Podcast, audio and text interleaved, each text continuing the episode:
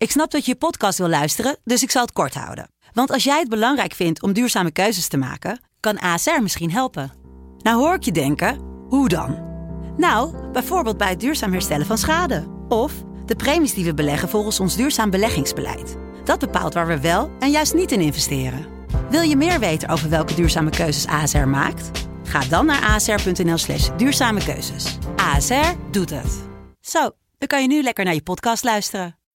Studio Socrates wordt mede mogelijk gemaakt door Unibed. Há muito tempo você está no meu caminho. Como posso esquecer?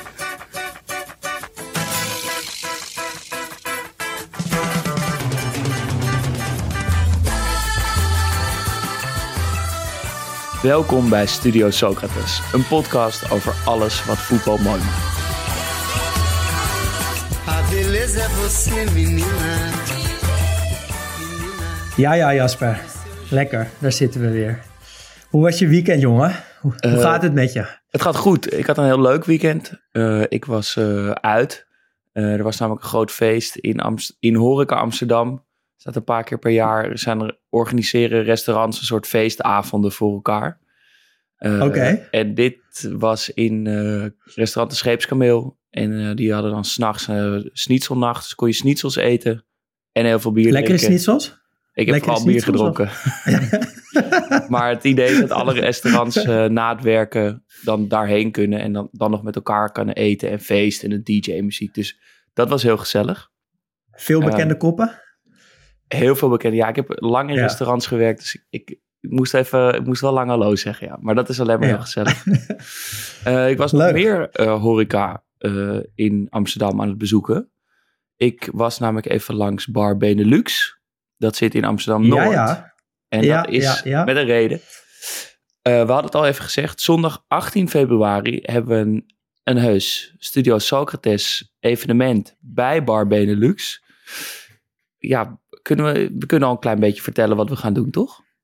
Ja, ja, het wordt een, een avond waarin we onze liefde voor voetbal gaan vieren. Eh, we gaan even kletsen met elkaar en met een speciale gast over voetbal. En die gast is eh, Josh van het Instagram-account Store Like 94.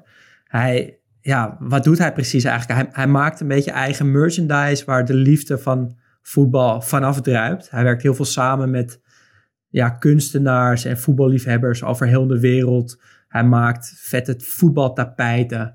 Eh, hij heeft onlangs een hele Ronaldo-expositie georganiseerd. Als je het nog niet kent, ga het echt even checken. At a store like 94 op Instagram. En hij komt dus langs bij, eh, bij onze avond. Maar er is nog veel meer, want we gaan ook PlayStationen. Toch? We hebben een PlayStation 1 of 2 met Pro Evolution Soccer eh, 2006. ja. Eh, we gaan voetbal kijken.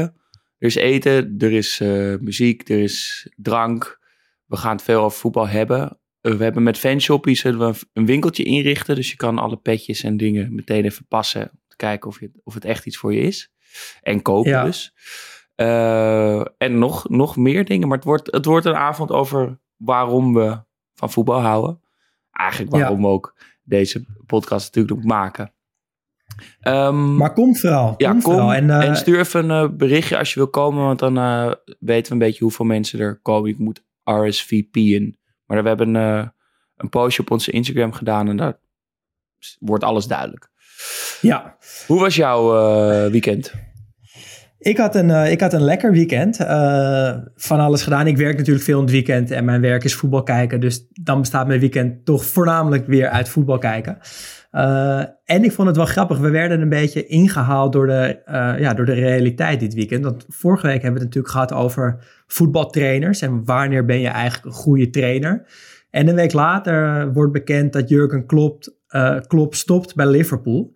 En dat maakte hij bekend met een, eh, nou, eigenlijk wel een heel mooi afscheidsfilmpje. Waarin hij eigenlijk zegt van, ja, dat, dat trainersvak, dat is zo lood en loodzwaar. Ik heb de energie niet meer om de trainer van Liverpool te zijn die jullie verdienen.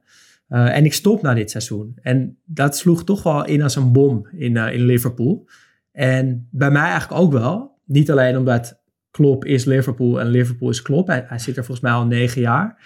Eh, maar ook door dat filmpje. Want ik vond het echt Ja, heel mooi. Het was lief en persoonlijk en oprecht en open. En hij zei ook heel schattig van, nou, het gaat nu, gaat het goed met me, maak je geen zorgen. Ja. Maar om nog een keer weer op te laden hierna, dat gaat me niet meer lukken. En logisch, toch, lijkt me verschrikkelijk zwaar. Over één, als je het allemaal zoiets wint, als de Champions League en landskampioen, om dan weer door te gaan en weer op te laden en weer naar een doel toe te werken, lijkt me ongelooflijk moeilijk. Ja. ja, ze staan eerste trouwens in de Premier League. Het zou, wel, het zou nu toch wel... Ik had niet echt een voorkeur. Eigenlijk nog steeds niet echt. Eh, misschien een lichte voorkeur voor Arsenal. Maar in het laatste jaar van, eh van Klopp zou het ook wel heel vet zijn... als hij nog één keer eh, de titel pakt. Eh, en dan wordt het volgend jaar wordt het een raar gezicht. Liverpool zonder Klopp. Wie, wie moet de opvolger worden? Ja, ik dacht Xabi Alonso. Zou logisch Ja. zijn. Hebben we vorige, vorige week hebben we die nog naar Real Madrid gepraat. Ja. Nu, nu Praat schrijf, hem nu schrijf gewoon- ja. Ik dacht nog aan Arne Slot. Is, de- of is dat te vroeg? Weet ik niet. Het, het, het zou het heel leuk zijn natuurlijk. Ja, het zou wel heel, ik zou het ook wel leuk vinden. En eh, Ehm. hij was niet de enige die deze week een eh, filmpje of een eh, statement naar buiten bracht. Xavi ook, bij Barcelona. Die stopt ook aan het eind van het seizoen. Toch een beetje een andere smaak dan bij Klopp. Die ja, volbracht. Zijn stempel staat erop. Hij heeft iets geweldigs neergezet. En kan nu met opgelucht hart daar door de voordeur weer naar buiten. Xavi toch een beetje frustratie. Een beetje, er zit toch een beetje een soort pijn bij. Ehm, Geen, echt geen prettige trainer om, om naar te kijken. Nee, nee. En ook hoe die langs de kant staat. En eh, nee. Eh, wie moet die dan opvolgen? Nou ja, als we, als we slot eh, naar Liverpool eh, duwen bij deze, dan wil ik Peter Bos wel richting Barcelona duwen. Hij heeft natuurlijk gezegd dat hij misschien wel stopt. Maar ik denk als Barcelona belt dat Peter gewoon daar in de zon gaat zitten. Dan laat hij dat koppie eh, lekker bruinen. En dan laat hij Barcelona nog even tiki-taka voetbal doen herleven. en dan, eh, ik zie dat wel voor me. Lijkt me leuk. Lijkt me leuk. Eh, voordat we naar de vier momenten die eh, gaan die het weekend of deze week mooi hebben gemaakt in het voetbal. Eerst even jouw werk bij Goedemorgen Eredivisie. Wie zaten er aan tafel vandaag? Eh, Jeroen Rijsdijk, eh, John van der Brom en Mario Been. Eh, Mario Been zit er denk ik één keer in de maand. En ja, dat is denk ik toch wel mijn lieveling. Eh, Die eh, komt altijd binnen met ciao, lieve mensen. En die, zo, zo, ver- zo verlaat hij het pand ook weer. En eh, tussendoor zegt hij eigenlijk vaak best wel zinnige dingen over voetbal. Dus met Mario is het altijd leuk. Jeroen Rijsdijk is de trainer van Sparta. Dat is ook eigenlijk altijd wel grappig. Als als er een trainer aan tafel komt zitten die dan de avond daarvoor een wedstrijd heeft, dan hopen wij altijd vurig dat hij wint. Want je merkt dat een trainer dan veel ontspannender aan tafel zit. Eh na RKC, Sparta werd gelijk. Dus het was, nou ja, het was, het was goed, maar hij zat toch niet helemaal lekker. Hij, hij, eh, hij durfde ook wel toe te geven dat hij baalde van het gelijke spel. Ehm, en John van der Brom, dat, dat was ook weer eigenlijk een, dat is een, een hele eigen categorie ook weer. De trainer zonder club die aan tafel komt zitten. En dan weet je, die gaat zichzelf in de etalage zetten. Uh, maar dat deed hij eigenlijk ook wel op een hele integere manier. En wat ik heel mooi vond, was dat hij zei... ik uh, wil gewoon trainer van Vitesse worden, ook als ze degraderen naar de KKD. Want hij heeft daar natuurlijk heel lang gespeeld. Hij is daar ook trainer geweest. En hij heeft zoiets van, ik wil die cirkel rondmaken. Uh, en dan maakt het me eigenlijk geen zak uit of ze Eredivisie spelen of KKD. Dus dat was wel mooi. En hij vertelde over zijn 37 dagen als trainer in Saoedi-Arabië. Uh, twee jaar geleden inmiddels. Hij werd, hij werd ontslagen na zijn eerste wedstrijd. Eén wedstrijd vol en hij kon gelijk naar huis toe. En dat leidde bij ons op de redactie een beetje tot, tot een nieuwe term, namelijk woestijnspijt. Uh, heb jij enig idee wat, wat, wat we daarmee bedoelen? Ja, ik denk dat Jordan Henderson ook precies weet wat woestijnspijt is. Ja, ja, wel, ja dus dat je naar, mooi. Naar, toch? Het is ja. wel een goed woord, toch? En ja, je gaat naar de zandbak, je krijgt uh, 30 zakken geld mee. Maar na een paar weken kom je er toch achter van... ja, niet alles is te koop, ik ben hier ongelukkig. Ik heb woestijn spijt. En het voetbal uh, wint weer. Ja, dat zie je toch wel weer. Want Laporte heeft het ook. Die Amerik Laporte, Benzema, zie, zie je ook een beetje terugkrabbelen. Niet alles is te koop. Zelf niet, uh, zelfs niet voor de oliesheiks. En dat is, ja, dat is een goede ontwikkeling. Dat is een geruststelling. Ja. Eh, jij zat aan tafel bij Goedemorgen Eredivisie. Ik zat veel Afrika Cup te kijken deze week. Uh, bij Ziggo zenden ze dat uit. Hebben ze ook analisten in de studio uitgenodigd. Het heeft net als de Afrika Cup ook vaak een beetje een soort random gevoel. er zaten, een paar, twee dagen geleden zaten er Jesser, die zit er altijd, Ronald de Boer en Ejong Eno bij elkaar. Vandaag waren. Juri Mulder, Kiki Moussampa en Jesser. Oké, Wat wel leuk hele... is, denk ik, maar ja. het voelt gewoon een heel toevallig samengezet uh, zooitje. Maar dat past eigenlijk ook alweer goed bij de Afrika Cup. Ja, en het toernooi duurt nog wel eventjes. En Seagal gaat nog veel wedstrijden doen. Dus, dus misschien komen er nog wel leukere trio's aan bod de komende weken. Vind ik wel iets, iets om in de gaten te houden trouwens. Die, uh, die analisten, trio's en duo's bij, bij de Afrika Cup. We blijven dat analyseren. Sowieso lekker dat de knockout fase begonnen is. En meteen ook lekkere wedstrijden ja. gezien. Maar wij gaan naar de vier momenten die, dit, uh, die het voetbal mooi maakten deze week. Die wij hebben gekozen. Er waren natuurlijk nog veel meer uh, momenten die het voetbal mooi maakten. Maar dit zijn ze van ons voor nu. En we beginnen uh, in de spits. Ja, ja want die Adria Cup die, die heeft sowieso mijn enthousiasme voor voetbal nog even verder aangewakkerd. En meer specifiek mijn enthousiasme voor het fenomeen eindtoernooien. Uh, dat is, ja, er is toch niks zo lekker om gewoon in een eindtoernooi te zitten. En ik loop misschien een klein beetje op de zaken vooruit, maar je hebt deze zomer het EK. En dit weekend werd ik opeens bevangen door, door ja, toch al een klein beetje de oranje koorts, de kampioenskoorts. Want ik dacht aan de potentiële spitsen van het Nederlands elftal. En dat was in de kwalificatiereeks natuurlijk een beetje de Achilleshiel. Uh, we, ja, we hadden te weinig goede spitsen, was het verhaal. En nu een paar maanden later hebben we een ander spitsenprobleem. Namelijk, we hebben te veel goede spitsen om uit te kiezen. En dit weekend was zo'n weekend waarin, ja, waarin ik dat weer even besefte. Want Brian Brobby, om even mee te beginnen, die is uh, sinds december begonnen met scoren en die houdt er maar niet mee op. Gaf trouwens ook weer een geweldig interview na afloop waarin hij uh, zijn doelpunten omschreef als poeiers. De interviews zijn misschien nog wel beter dan zijn doelpunten. Ja, alleen daarom moet hij al mee naar het EK. Um, Memphis Depay begint ook langzaam weer fit te worden. worden. Um, Scoorde. Bijna all-time ja, bijna all topscorer van het Nederlandse elftal. Maar die blessures blijven natuurlijk wel een klein beetje op de loer liggen. Uh, Joshua Sirkzee, ook weer gescoord dit weekend. Staat nu op acht doelpunten en twee assists. Gaat deze zomer 100% zeker een hele mooie transfer maken. Blijft toch wel een beetje een blinde vlek voor me, moet ik zeggen. Ja, ja maar dan zou ik, zou toch aanraden, ga gewoon een keertje 90 minuten lang zitten voor Bologna. Want ja, je weet toch niet, je weet niet wat je meemaakt hoor. Want het is een, hij is boven de 1,90, maar heel sierlijk. En ik heb hem wel eens in de jeugd zien voetballen. En toen, ja, toen bij Bayern München, toen in de Youth League, uh, was tegen Ajax. En toen dacht ik, ja, beetje sloom, een beetje een snurker. Van je zag wat dat hij goed kon voetballen, maar het kwam er niet helemaal uit. Uh, maar het lijkt er echt op dat ik het verkeerd heb gezien, want hij speelt echt steengoed. Dus dat is ook een leuk om in de gaten te houden. Dan heb je Donjan Malen natuurlijk. Uh, doet het goed bij Dortmund. Ik heb het gevoel dat we in Nederland nooit echt rekening met hem houden, terwijl het een hele goede spits is. Maar in Nederlands elftal lukt het vaak toch niet helemaal. Cody Gakpo hebben we ook nog. Staat gewoon vaak in de basis bij Liverpool.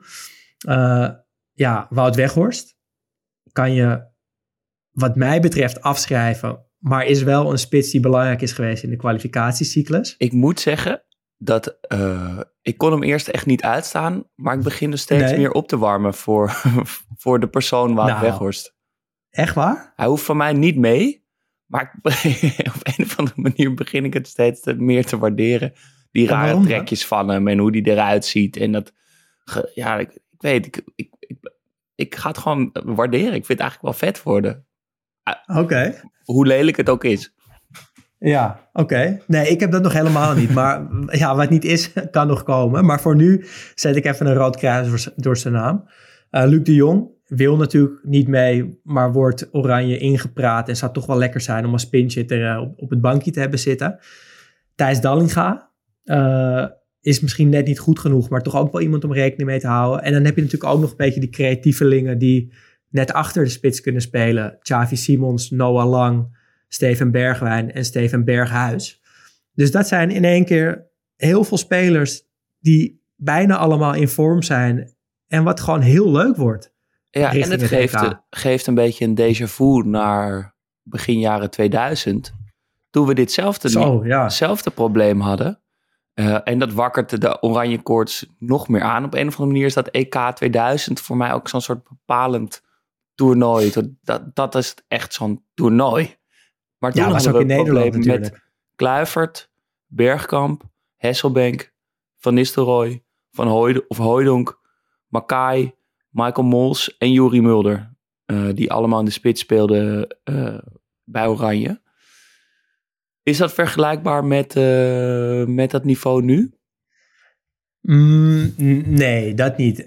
Als je moet kiezen tussen Kluivert en Van Nistelrooy, twee van ja, misschien wel de beste spitsen van de afgelopen nou ja, 30 jaar of zo. En dan zwervend daaromheen kan je Bergkamp neerzetten. Dat is toch echt wel wat anders dan Bobby en Depay.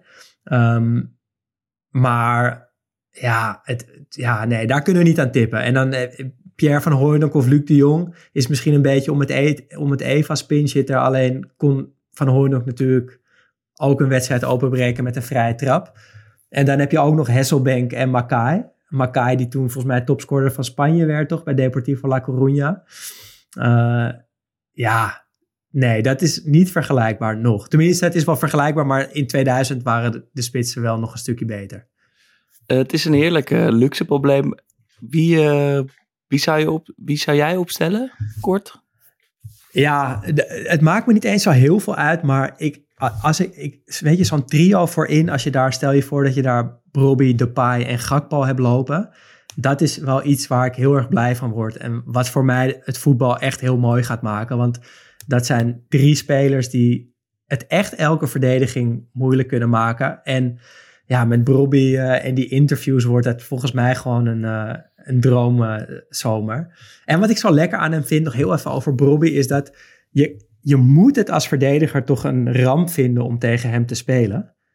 Want ook als hij niet in, niet in de wedstrijd zit, is hij heel simpel gezegd nog steeds heel snel en nog steeds heel sterk. Een soort van dat is niet afhankelijk van zijn vorm, die twee kwaliteiten. En dat maakt hem gewoon altijd lastig om, uh, om tegen te spelen. Ik ben het helemaal met je eens. Ik zou, ik zou de optie met een paar cowboys voorin die alle drie geluks gaan zoeken, zie ik ook wel zitten. Dus zonder echte vaste spits, maar Gakpo, Malen, Memphis of Lang. Allemaal een beetje ja, door elkaar. Jij wil gewoon Noah Lang zien, toch? Ik wil graag Noah Lang zien. Ja, die wil je sowieso mee, want die kan tuurlijk, nog, tuurlijk, nog even iets doen wat je niet verwacht. Ja. Het spitsprobleem, uh, nou, dat is, dat is voor Koemans rekening. Uh, het middenveld, dat staat wel. Tenminste, we moeten het even over Frenkie hebben. Dat is onze tweede punt, namelijk Frenkie bij Barcelona. Ja. Ja, want Frenkie is iets wat ontegenzeggelijk het voetbal mooi maakt. Alleen, uh, ja, er is wat aan de hand bij Frenkie. Want ik heb uh, dit weekend Villa, Barcelona Villarreal zitten kijken. Het werd 3-5 voor Villarreal. Echt een geweldige wedstrijd. wedstrijd. Ja, Villarreal kwam 0-2 voor. Toen stond Barcelona opeens weer voor 3-2. Toen werd het 3-3. En in de absolute blessuretijd, volgens mij was het 90 plus 9 en 90 plus 11, uh, scoorde Villarreal nog twee keer en werd het dus 3-5. Uh, maar na afloop en in die blessuretijd eigenlijk ook al, zag ik gewoon voor het eerst een gebroken, uh, verdrietige Frenkie de Jong bijna. En ik dacht, hoort Frenkie de Jong nog wel bij Barcelona of, of moet hij daar weg? Want het, het was zo'n droomhuwelijk. Het stond in de sterren geschreven, maar is dat nog wel zo? Ja, ik vind het moeilijk, want ik eh, bekijk het voetbal door een ernstig gekleurde Frenkie de Jong bril ik ben totaal niet objectief. Ik, ik vind dat hij er ook dat hij knap is. Ik vind dat hij goed kan voetballen. ik vind Mickey Kimmeny een, een prachtige vrouw. Ik vind Miles een mooie naam. Ik vind dat hij mooie, zoon. Ja, ik vind dat hij mooie kleren aan heeft. Dus ik, ik vind ook zijn, zijn keuze voor de club vind ik natuurlijk ook de juiste. Daarbij, uh, clubliefde is, is altijd mooi. We hebben het al vaker gezegd. de mooiste transfers zijn de transfers die niet plaatsvinden. Uh, spelers die lang bij een club blijven is toch vaak veel mooier. Maar ik moet zeggen, ik snap wel wat je bedoelt. Het, het lijkt inderdaad niet meer te passen. Toch? Ja, want het, het, het was zijn droom om bij Barcelona te voetballen. Zijn droom om met Messi te voetballen. Nou, dat kwam uit. In het begin was het ook echt heel mooi om hem in dat rood-blauwe shirt te zien. En hij was constant aan het lachen en eh, hij werd een beetje bruin. En het, eh, weet je wel, die Spaanse zon deed hem goed. Het, het paste perfect. Maar hij is een beetje ingehaald door de werkelijkheid, toch? De, Barcelona waar Frenkie verliefd op is geworden. Dus Messi, Xavi, Iniesta, Busquets. Dat Barcelona bestaat helemaal niet meer. En hij, hij is een beetje verliefd op een illusie. En hij, hij speelt dus nu bij een club die niet meer zo goed is. En die niet meedoet om de prijzen. En ik heb bijna het gevoel van het voetbal verdient de Frenkie de Jong van Ajax. En dat, die kan hij niet zijn bij Barcelona. Uh, hij zit er inmiddels ook al best wel lang, vanaf 2019. En ja, de betekenis van je voetbalcarrière hangt ook een beetje samen met de keuzes die je maakt. En als hij nu te lang bij Barcelona blijft zitten, dan, ja, dan, dan gaat het voetbal, de Sira die Frenkie de Jong is, misschien ja, toch iets minder goed herinneren dan dat hij was. En dat, uh, dat baart me zorgen. Uh, ja, en ik, ik kan namelijk ik, kan niet zo goed ook een voorbeeld bedenken van iemand anders die te lang bij een club is gebleven. Het is eigenlijk altijd het tegenovergestelde. Ik dacht bijvoorbeeld dat mensen te snel weggaan. Ja, of, of dat is eigenlijk altijd het geval. Ik denk, ah, zonde, had Ivan nog één jaar. Um, ik moest denken aan Netvet bij uh, Juventus na Calciopoli-schandaal... dat hij in de, in de Serie B moest spelen. Maar achteraf gezien... daar is is dat juist... Ja, daar zit juist zoveel, zo zoveel schoonheid zat ja. ja. En dat hij die club weer terug op, op dat hoogste niveau heeft gebracht. Samen met Del Piero en Buffon die ook bleven. Dat is natuurlijk ook uh, met de kennis van nu. Dus ik weet, dat, dat is ook lastig te zeggen dan over Frenkie. Maar het ligt misschien ook wel aan de soort speler die hij is. Hij is iemand die, denk ik, ruimte creëert voor andere spelers. Maar er, moeten er wel spelers zijn die in die ruimtes duiken en scoren. En Netvet bijvoorbeeld dan is zo iemand die juist wel zelf heel erg gaat rennen en gaat schieten en werken en scoren. Ehm, en die zo'n elftal dus op sleeptouw kan nemen. En dat zit gewoon volgens mij toch niet in zijn spel of in zijn persoonlijkheid om het op sleeptouw te nemen. En, en daardoor kwijnt hij een beetje weg. Ja, ja en, en het, het, ik vind het ook vervelend dat het ruimte biedt voor zuurpruimen als Van Basten en Gullit, die altijd zo kritisch zijn op de Jong, om, om dat geluid uh, weer hoorbaarder te laten zijn of zo. Want dat, hij, ja, die zeggen, hij scoort nooit, hij is niet beslissend, hij, wandelt te veel met de bal, hij kan het elftal niet naar zijn hand zetten. En dat kan hij allemaal wel. Hij heeft alleen even weer, weet je, een, een Ten Hag-omgeving nodig of zo. Hij heeft gewoon weer Lasse Schöne naast zich op het middenveld nodig, Donny van de Beek. Gewoon wat liefde of zo, toch? Dat, ja, echte liefde en niet eenzijdige liefde. Van ik hou van de club, uh, maar de club houdt eigenlijk niet van mij. Want hij heeft ook zoveel gezeik al gehad met, het, met die financiën en met zijn salaris. En uh, hij moet gewoon... Uh, en waar moet hij heen dan, denk je?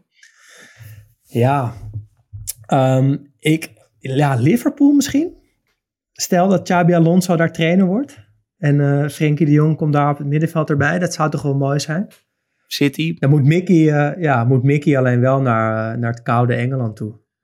Ja, dat begrijpt ja. ze vast wel. Ja, Arsenal of City, het, Engeland zou denk ik het meest logische zijn. Want en kan het ook nog zijn dat het... Dat, ja? ja, ik zie hem toch niet in Italië of Duitsland of Frankrijk. Nee. Dus, en, en een andere club in Spanje gaat ook niet passen. Dus dat zou logisch zijn. En kan het, nog, kan het nog, toch nog een soort van netvet scenario worden dat hij, uh, dat hij bij Barça blijft? Dat Barça zich opricht aan de hand van Frenkie de Jong en aan de hand van een nieuwe trainer. En dat we over tien jaar zeggen, zie je wel, er is echt niks mooiers dan een speler die trouw blijft aan, zijn, aan de grote liefde, aan, aan de club waar je van houdt. Dat moet toch eigenlijk wel zo zijn? Ja, ja. Ja, dus misschien moet hij toch blijven eigenlijk. Conclusie, hij moet blijven. We, we, gaan naar het derde punt. Um, en dat is hoe een stad een speler kan adopteren. We zagen het dit weekend uh, bij, in Bilbao in Bilbao en we zagen het in Rotterdam. Ehm, ik zag namelijk een heerlijke bekerwedstrijd donderdagavond uh, in San Mames. De voetbaltempel tempel in Bilbao, waarin ze tegen Barcelona speelden in de Copa.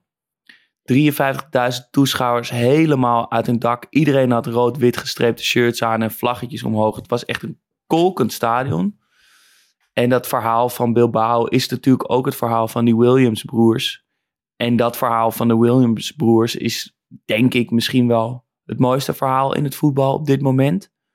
Hun moeder gevlucht, blootvoets door de woestijn, in de armen gesloten door de stad Bilbao.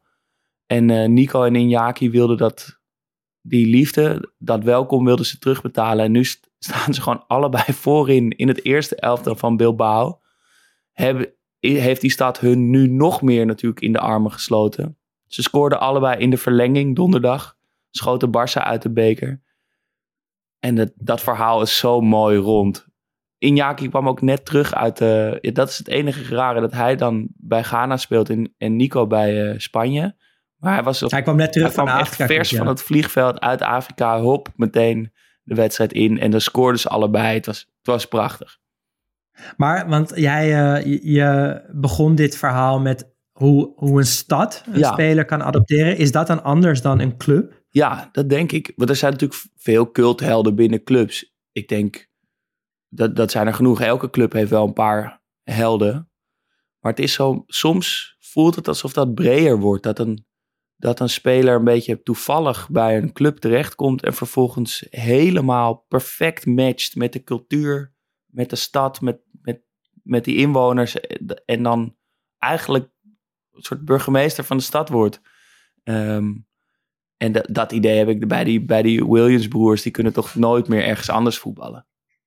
De voetbalburgemeesters van Bilbao. Ja, dat, dat, zou ik wel willen zeggen. Ja. Dat, Het is breder dan alleen de club. Het, het gaat over iets, iets groters. En dat, en dat voetbal dat kan doen, is heerlijk. Ja, ja, het, het, ja, je hebt helemaal gelijk. En het voelt inderdaad anders uh, als je zegt dat een stad uh, je in de armen sluit dan, dan een club. Een stad is inderdaad veel, ja, is veel groter nog eigenlijk dan een club. En afgelopen zondag, uh, gisteren dus, uh, als jullie dit luisteren, um, zag je dat ook in Rotterdam met, met Jozef Kieprits, de tovenaar van uh, Tatabanya, die terug was in de Kuip. En Feyenoord is ook bij uitstek, vind ik, een club die dat goed kan. De oude helden eren. We, hebben dat natuurlijk ook gezien bij Christian Guian een aantal jaar terug. En bij Kieprits was het ook weer zo. Zoveel respect en zoveel liefde en zoveel waardering. Terwijl er toch een, ja, ik vond er kwam echt een gebroken oude man kwam dat stadion binnen. Uh, hij leek in niets meer op de, op de topspits die hij vroeger was. Uh, ja, 60, volgens mij 61 jaar, 60, 61 jaar, maar die zag er al zo oud uit. Maar dat eerbetoon wat hij kreeg, was, was mooi. En ik heb bij hem ook zoiets van, dat is toch, het is meer dan Feyenoord. Ja. Dat is bijna de stad Rotterdam die hem weer in de armen sluit. Het is, het is niet een cultheld, het is volgens mij echt een oprechte liefde vanuit de stad naar hem. Ja. Ik zat te denken, wat, wat zijn dan nog meer voorbeelden van dat soort uh, uh, spelers? Ik dacht, ja. maar Totti in Rome, dat vind ik niet helemaal pas, want het is zo mooi als iemand toevallig bij een club terechtkomt. En Totti is natuurlijk een echte Romein. Ja, Eigenlijk, is dat dan, is dat dan uh, nog groter of juist niet?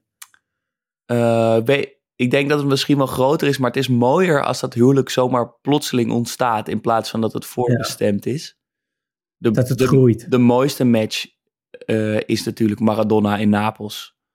Meer ja. in de armen gesloten worden door een stad dat kan niet. En ook vrij toevallig nee. gegaan en hij kwam er terecht en hij wist het allemaal niet volgens mij. En dan zo uitgroeien op elke straathoek een portret van hem, uh, dat er op elke straathoek een portret van hem hangt, dat is ongelooflijk. Ja, en Napels is net als Rotterdam een stad die dat ook heel goed kan. Het gaat toch, toch vaak om een beetje de, de, de arbeidersclubs, uh, de, van de, de volksclubs, uh, die, dat, die dat beter doen dan, dan de mooi voetballende elitaire clubs. Ja, want ik zat nog te denken aan uh, Wenger, maar dat is natuurlijk helemaal Arsenal en dat is, dat is niet Londen. Toch? Dat is gewoon alleen de club en niet de stad. Uh, ik vind, dat vond ik nog wel raar. Dat gaat dan wel ook meer over clubs. Maar Manchester City is, is natuurlijk een beetje een koude club. Misschien zonder echte clubcultuur. In ieder geval niet meer sinds die oliesheiks er zijn. Maar die hebben wel ja, best wel opvallende clubhelden, toch? Met, met Vincent en compagnie, David Silva, Yaya Touré. Dat zijn wel echt City-voetballers. Maar het is ook alweer logisch, want die zijn zo jarenlang het, het, de underdog geweest. En opeens kwamen die drie en, en, en wonnen ze opeens de Premier League. Ik snap wel dat, ja. Ja, in ieder geval dat deel van Manchester hun in de, in de armen gesloten heeft. En wat ik ook nog wel een goede vond, en volgens mij is dat wel waar we nu op doelen, dat een stad een speler echt in de armen sluit. Uh, Marco van Basten in Milaan.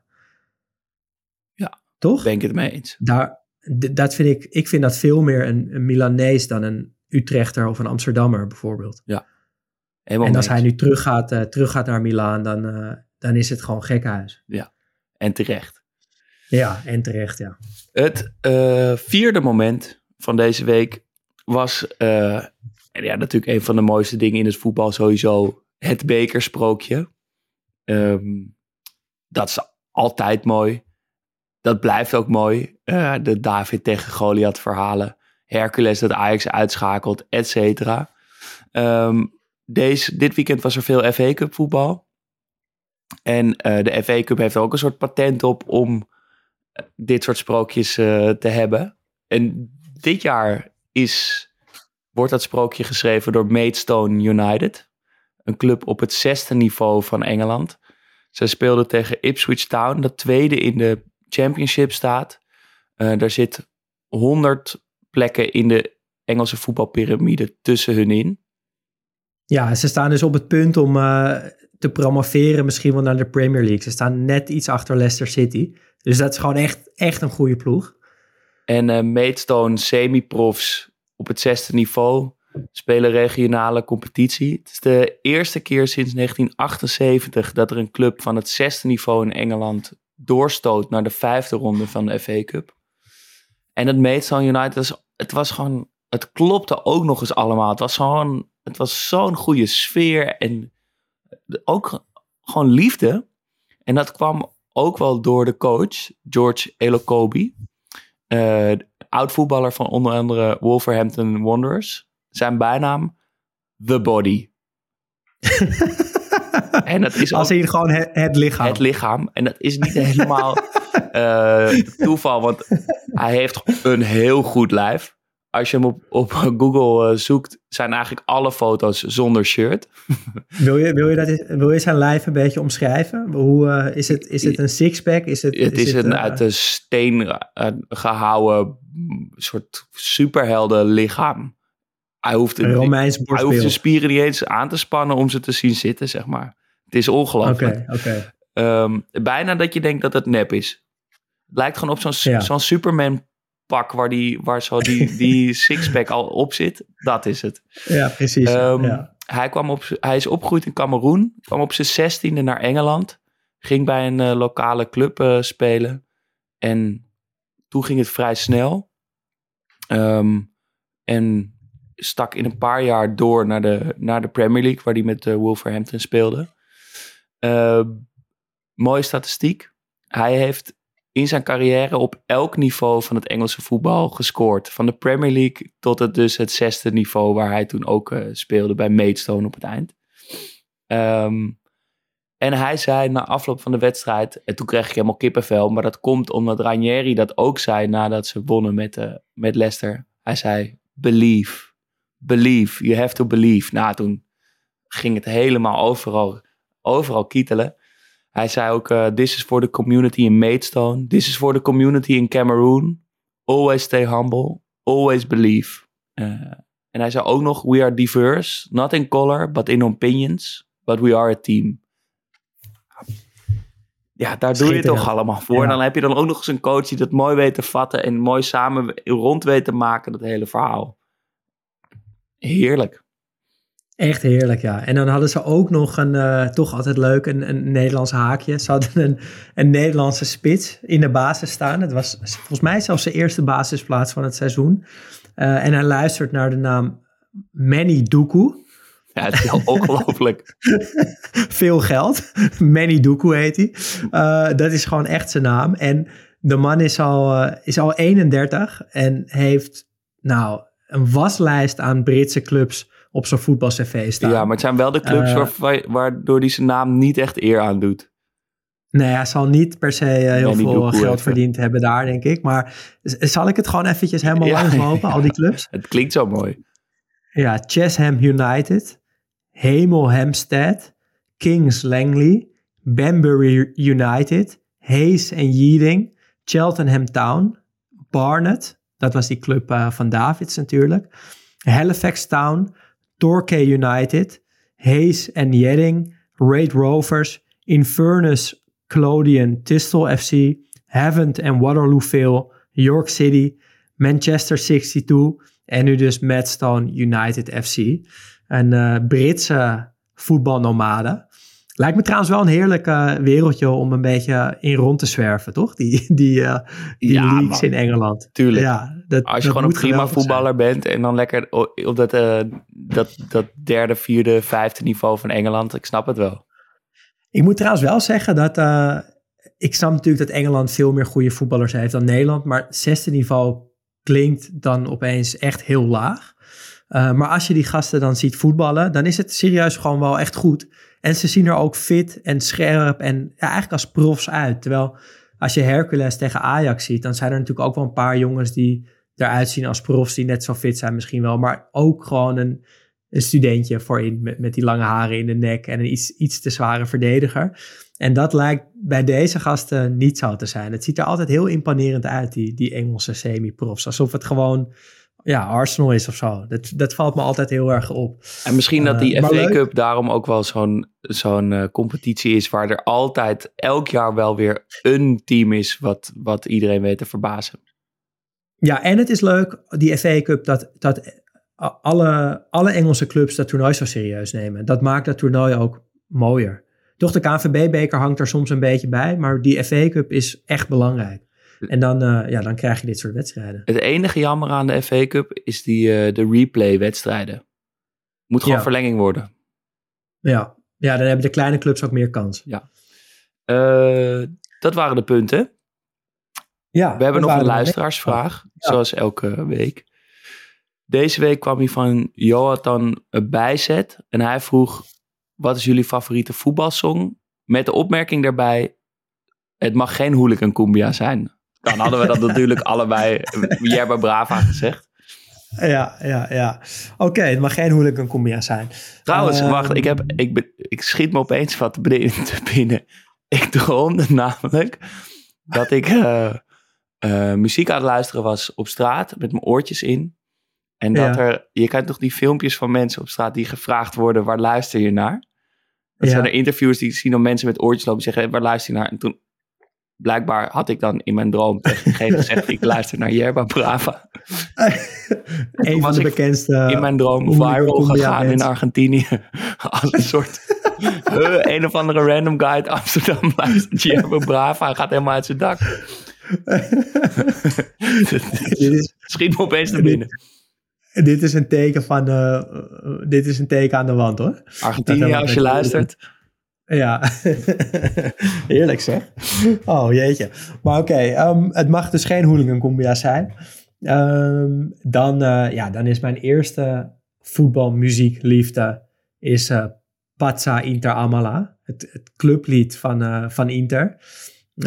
Of ik weet niet eens of het het officiële club, clublied eigenlijk is, maar het is in ieder geval een lied wat gelieerd is aan Inter. Eh, en dan kies ik heel bewust voor de uitvoering van de selectie van 2006-2007. Daar staat een filmpje van eh, op YouTube. Kijk die vooral. En eh, ja, we laten even een klein stukje horen nu, zodat je weet waar ik het over heb.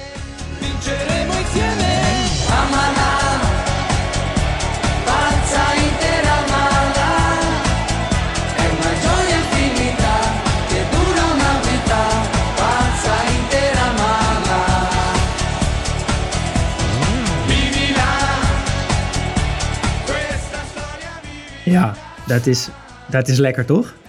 Ze zijn ook allemaal zo lief achter die microfoon. Ja, je moet het filmpje er ook bij zien. Het is echt genieten. Eh, Materazzi, Crespo, Ja. eh, Julio Cesar, Sanetti. Het is, eh, ja, het is echt leuk. Wat is jouw favoriet? ja, ik heb ehm, een- ook een zwak voor Italiaanse voetballiederen. Ik heb ook een zwak voor, voor Marokkaanse voetballiederen. Die zijn vaak heel maatschappelijk, wat mooi Ja. is. Maar kies toch voor het clublied van Juventus. Die van Rome en van Milan eh, zijn ook mooi. Maar op een of andere manier is het een beetje dat techie, popachtige jaren tachtig sound van eh, Juventus is bij mij eh, de grote favoriet. Het nummer Juve una storia di grande amore. Komt-ie.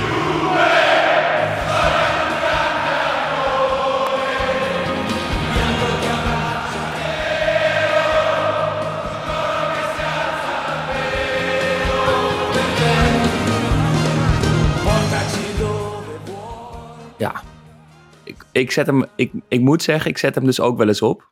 Mocht ik ooit gevraagd worden op straat waar ik naar luister, dan zou het zomaar kunnen dat ik ook nog eens viral in, in eh, Turijn ga.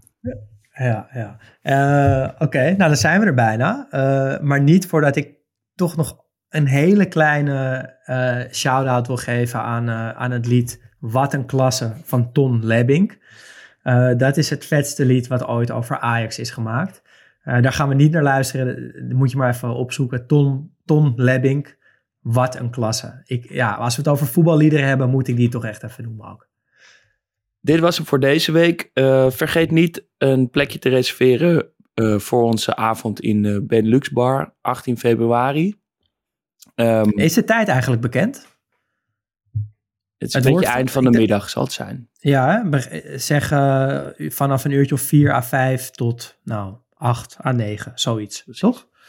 Ehm, dat was hem voor nu. Je kan ook nog vriend worden van de show. Dat vinden we heel fijn. Vriendvandeshow.nl slash Studio Socrates kan je een klein maandelijks bedrag doneren of een eenmalig bedrag. Dat helpt ons met Ja. het maken van de podcast. Volg En ons ook verder, op, eh, eh, op social media. Ja, Instagram en X, Studio Laagstreepje Socrates. En vertel het vooral je vrienden dat je naar ons luistert. Eh, en eh, geef ons vijf sterretjes op Spotify.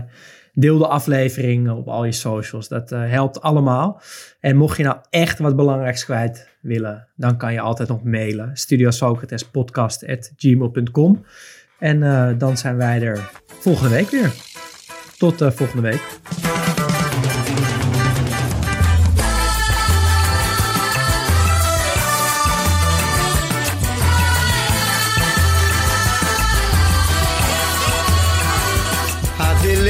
Você, menina. Menina, no seu jeito de olhar. O sucesso é você, menina. Menina, no seu modo de andar. Alegria é você, menina. Menina, no sorriso que dá. Vendaval por amor, menina, menina, todos querem te amar. Ei, vento, vento, vento no mar, te segura no balanço, o vento não te levar. Ei, vento, vento, vento no mar, te segura no balanço, pro vento não te levar. Já sei que não vai ter jeito pra poder te conquistar.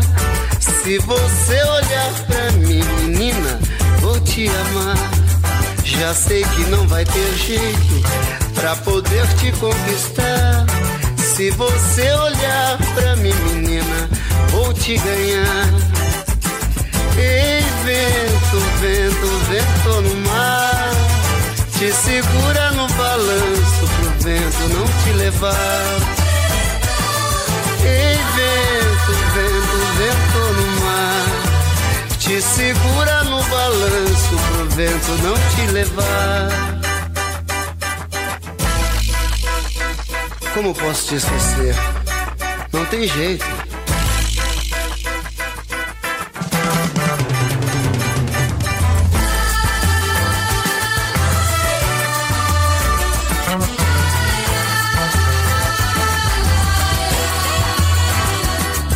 Beleza é você, menina. No seu jeito de olhar. O sucesso é você, menina. Menina, no seu modo de andar. Alegria é você, menina. Menina, no sorriso que dá. Vendaval por amor, menina, menina, todos querem te amar. Ei, vento, vento, vento no mar, te segura no balanço pro vento não te levar. Ei, vento, vento, vento no mar, te segura no balanço pro vento não te levar. vento, vento no mar. Te segura no balanço pro vento não te levar. Ei, vento, vento, vento.